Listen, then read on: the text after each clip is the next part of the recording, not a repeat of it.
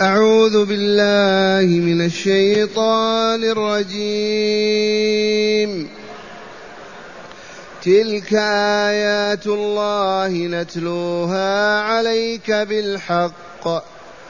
فبأي حديث بعد الله وآياته يؤمنون؟ ويل لكل أفاك أثيم. يسمع آيات الله تتلى عليه ثم يصر مستكبرا. ثم يصر مستكبرا كأن لم يسمعها. فبشره بعذاب أليم. وإذا علم من آياتنا شيئا اتخذها هزوا. أولئك لهم عذاب مهين. من ورائهم جهنم. ولا يغني عنهم ما كسبوا شيئا ولا ما اتخذوا من دون الله ولا ما اتخذوا من دون الله أولياء ولهم عذاب عظيم هذا هدى والذين كفروا بآيات ربهم لهم عذاب من رجز أليم معاشر المستمعين والمستمعات من المؤمنين والمؤمنات. قول ربنا جل ذكره تلك آيات الله نتلوها عليك بالحق فبأي حديث بعد الله وآياته يؤمنون. لقد تقدمت الآيات وهي كلها تدل على أنه لا إله إلا الله. وأن محمدا رسول الله وأن البعث الآخر حق. وهي براهين وأدلة لا يشك فيها ذو عقل أبدا أنها تدل دلالة عقلية منطقية على أنه لا إله إلا الله وعلى أن البعث الآخر حق وعلى أن من نزلت عليه هذه الآيات نبي الله ورسوله. تلك آيات الله نتلو عليك بالحق. فبأي حديث بعد الله وآياته يؤمنون؟ إذا لم يؤمنوا بمثل تلك الآيات والحجج والبراهين بأي حديث يؤمنون؟ ما يؤمنون أبدا. وفي هذا تعزية للرسول صلى الله عليه وسلم وتسلية له. ثم قال تعالى ويل لكل أفاك أثيم. فأولئك الكاذبون الكافرون المكذبون أفاكون آثمون. كلهم سواء كان المراد بأبي جهل وإلا بالنظر بن الحارث أو فلان وفلان كلهم موصوفون بهذا الوصف. أفاكون كذابون. وحينئذ لهم الويل. والويل واد في جهنم. واد في جهنم يجري يسيل بأوساخ أهل النار. ما يخرج من بطونهم وفروجهم وألوانهم من عرق وأوساخ. واد يسيل يشربونه ويتخبطون فيه وهو كله دماء وقيوح وأبوال وأوساخ. ويل لكل أفاك أثيم. ما الأفاك ما الأثيم؟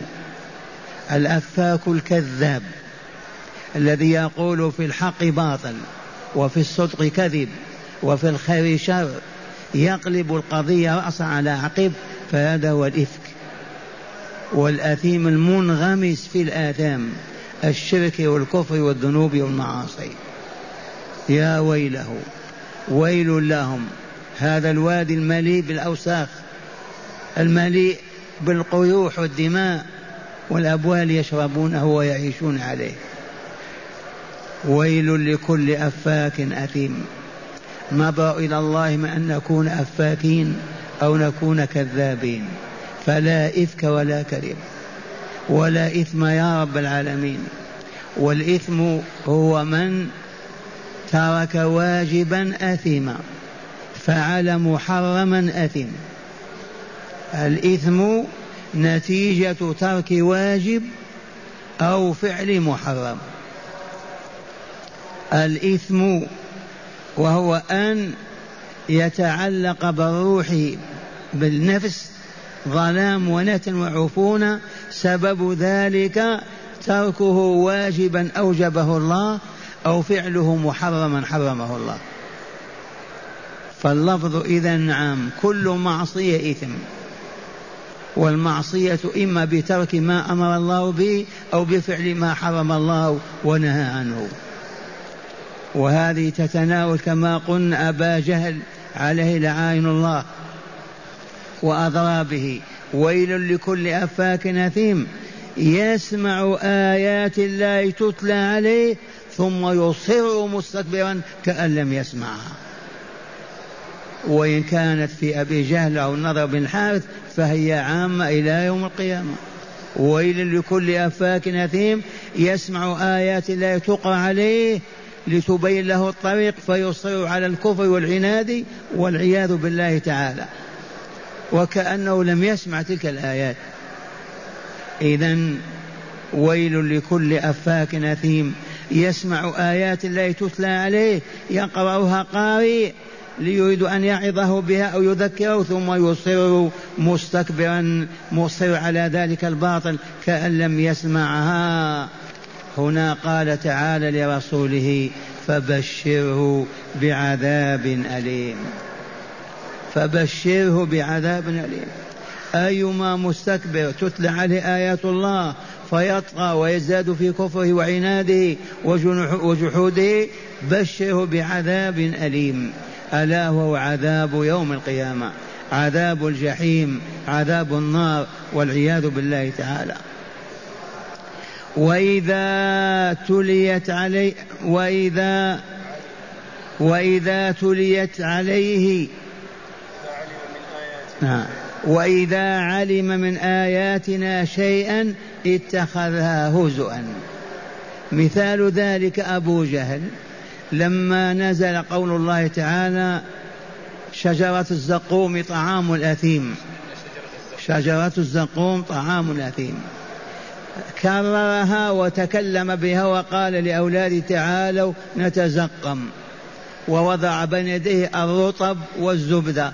قال نتزقم كما يقول محمد.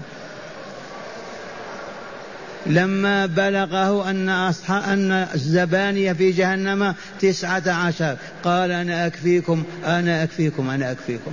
ما داموا تسعة عشر. وإذا علم من آياتنا شيئا اتخذها هزوا واستهزاء وسخريا والعياذ بالله. وإذا علم من آياتنا شيئا اتخذها هزوا. قال تعالى أولئك لهم عذاب مهين. أي عذاب جهنم يهانون فيه ويذلون ويحقرون ويصبحون أخس المخلوقات. لأنهم متكبرون في الدنيا متجبرون. هذا أبو جهل وغيره من كل من يقف هذا الموقف الشائن القبيح. وإذا علم من آياتنا شيئا اتخذها هزوا. أولئك لهم عذاب مهين. ألا وهو عذاب جهنم. ثم قال تعالى من ورائهم جهنم. من ورائهم جهنم. أمامهم ووراءهم بمعنى واحد. النار التي سوف يدخلونها بعد الموت. من ورائهم جهنم ولا يغني عنهم ما كسبوا شيئا. أموالهم أولادهم رجالهم عصبتهم كل ذلك والله لا يغني شيئا.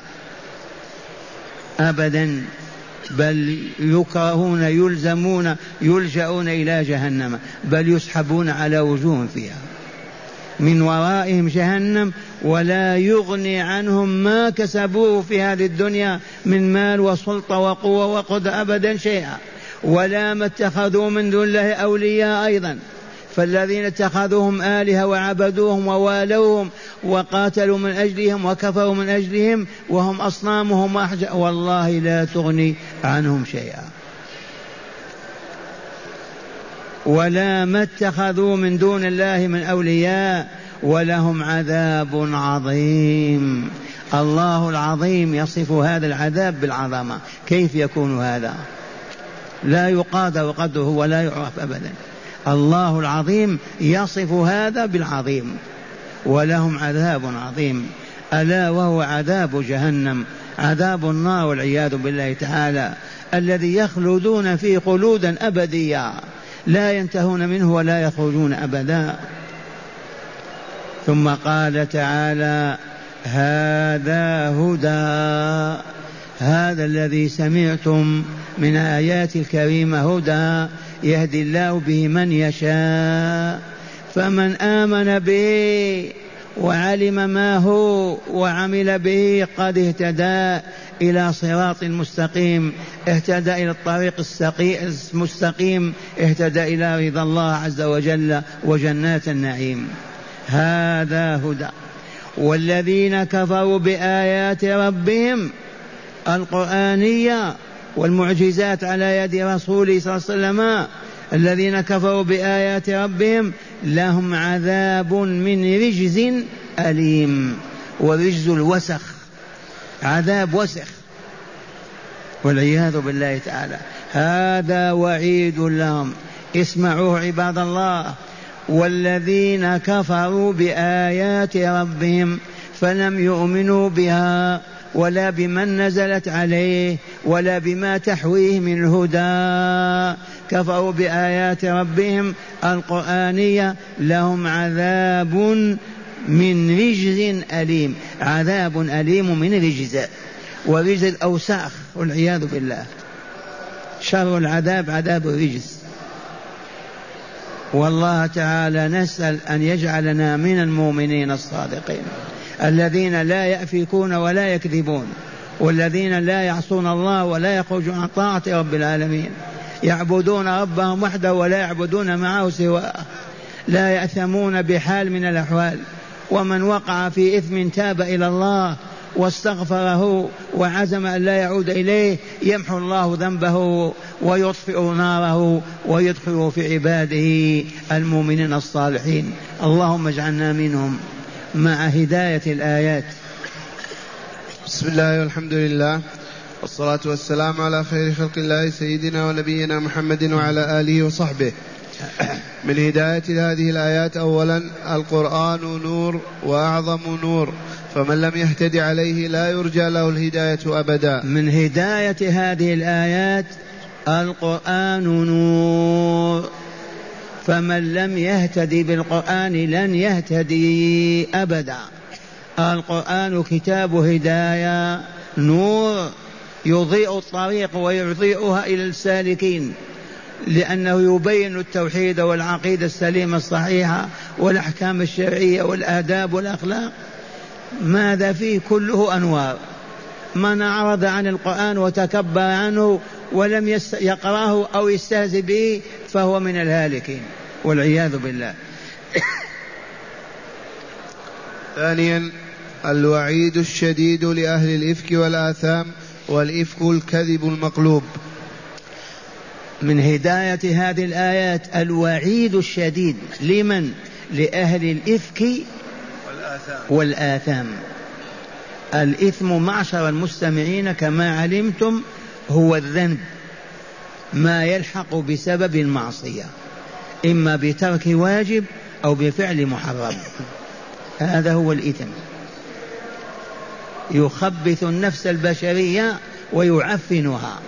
فتصبح ليست أهلا لأن يرضى الله عنها أو يدخله جنته. والإفك هو الكذب المقلوب. يسمي الحق باطلا. والصدق كذبا يقلب القضية. والعياذ بالله. ونبأ إلى الله تعالى من الكذب. أبدا. نعيش ما نعيش لا نكذب ولا نقول إلا الحق والصدق. نعم. ثالثا. شر الناس من إذا سمع آيات الله استهزأ وسخر منها أو ممن يتلوها. والعياذ بالله نبأ إلى الله من هذه الصورة شر خلق الله من يسمع آيات الله يستهزئ بها أو يسخر بها أو يضحك ممن تلاها. والعياذ بالله. فعل هذا المشركون في مكة وقد يفعله المبطلون الآن ويسخرون من القرآن والمؤمنين. والعياذ بالله. وخاصة العلمانيين والشيوعيين. نعم رابعا لم يغن عن عن من مات على الكفر شيء ممن ممن كسب كسب في هذه الحياة الدنيا من مال وولد وجاه وسلطان. أي نعم من هداية الآيات أن من مات على الشرك مات على الكفر على الذنوب والفسق والآثام لن يغني عنه شيء ولو كانت له الدنيا كلها برجالها وأموالها ودولتها والله ما يغني عنه شيئا. نعم. وأخيرا لم يغن عن المشرك ما كان يعبد من دون الله أو مع الله من أصنام وأوثان وملائكة أو أنبياء أو أولياء. وأخيرا من هداية الآيات من مات على الشرك والكفر لن يغني عنه شيء ابدا. لو عبد الملائكة لو عبد الأنبياء لو عبد الأولياء مع عبادة الأحجار والأصنام كل ذلك لن يفيده. ولن ينجو من عذاب الله أبدا ولن يغني عنه شيئا. وإنما الغنى للذين يعبدون الله وحده ولا يعبدون معه غيره. أما عابد الأوثان والأصنام والملائكة والأنبياء والأولياء وما إلى ذلك لن يغني ذلك عنهم من الله شيئا. ولهم عذاب عظيم وصفه الله بأنه عظيم. لا يطاق أبدا ولكن الله عز وجل ما ظلمهم وظلموا أنفسهم. نظروا إلى الله من الشرك وآله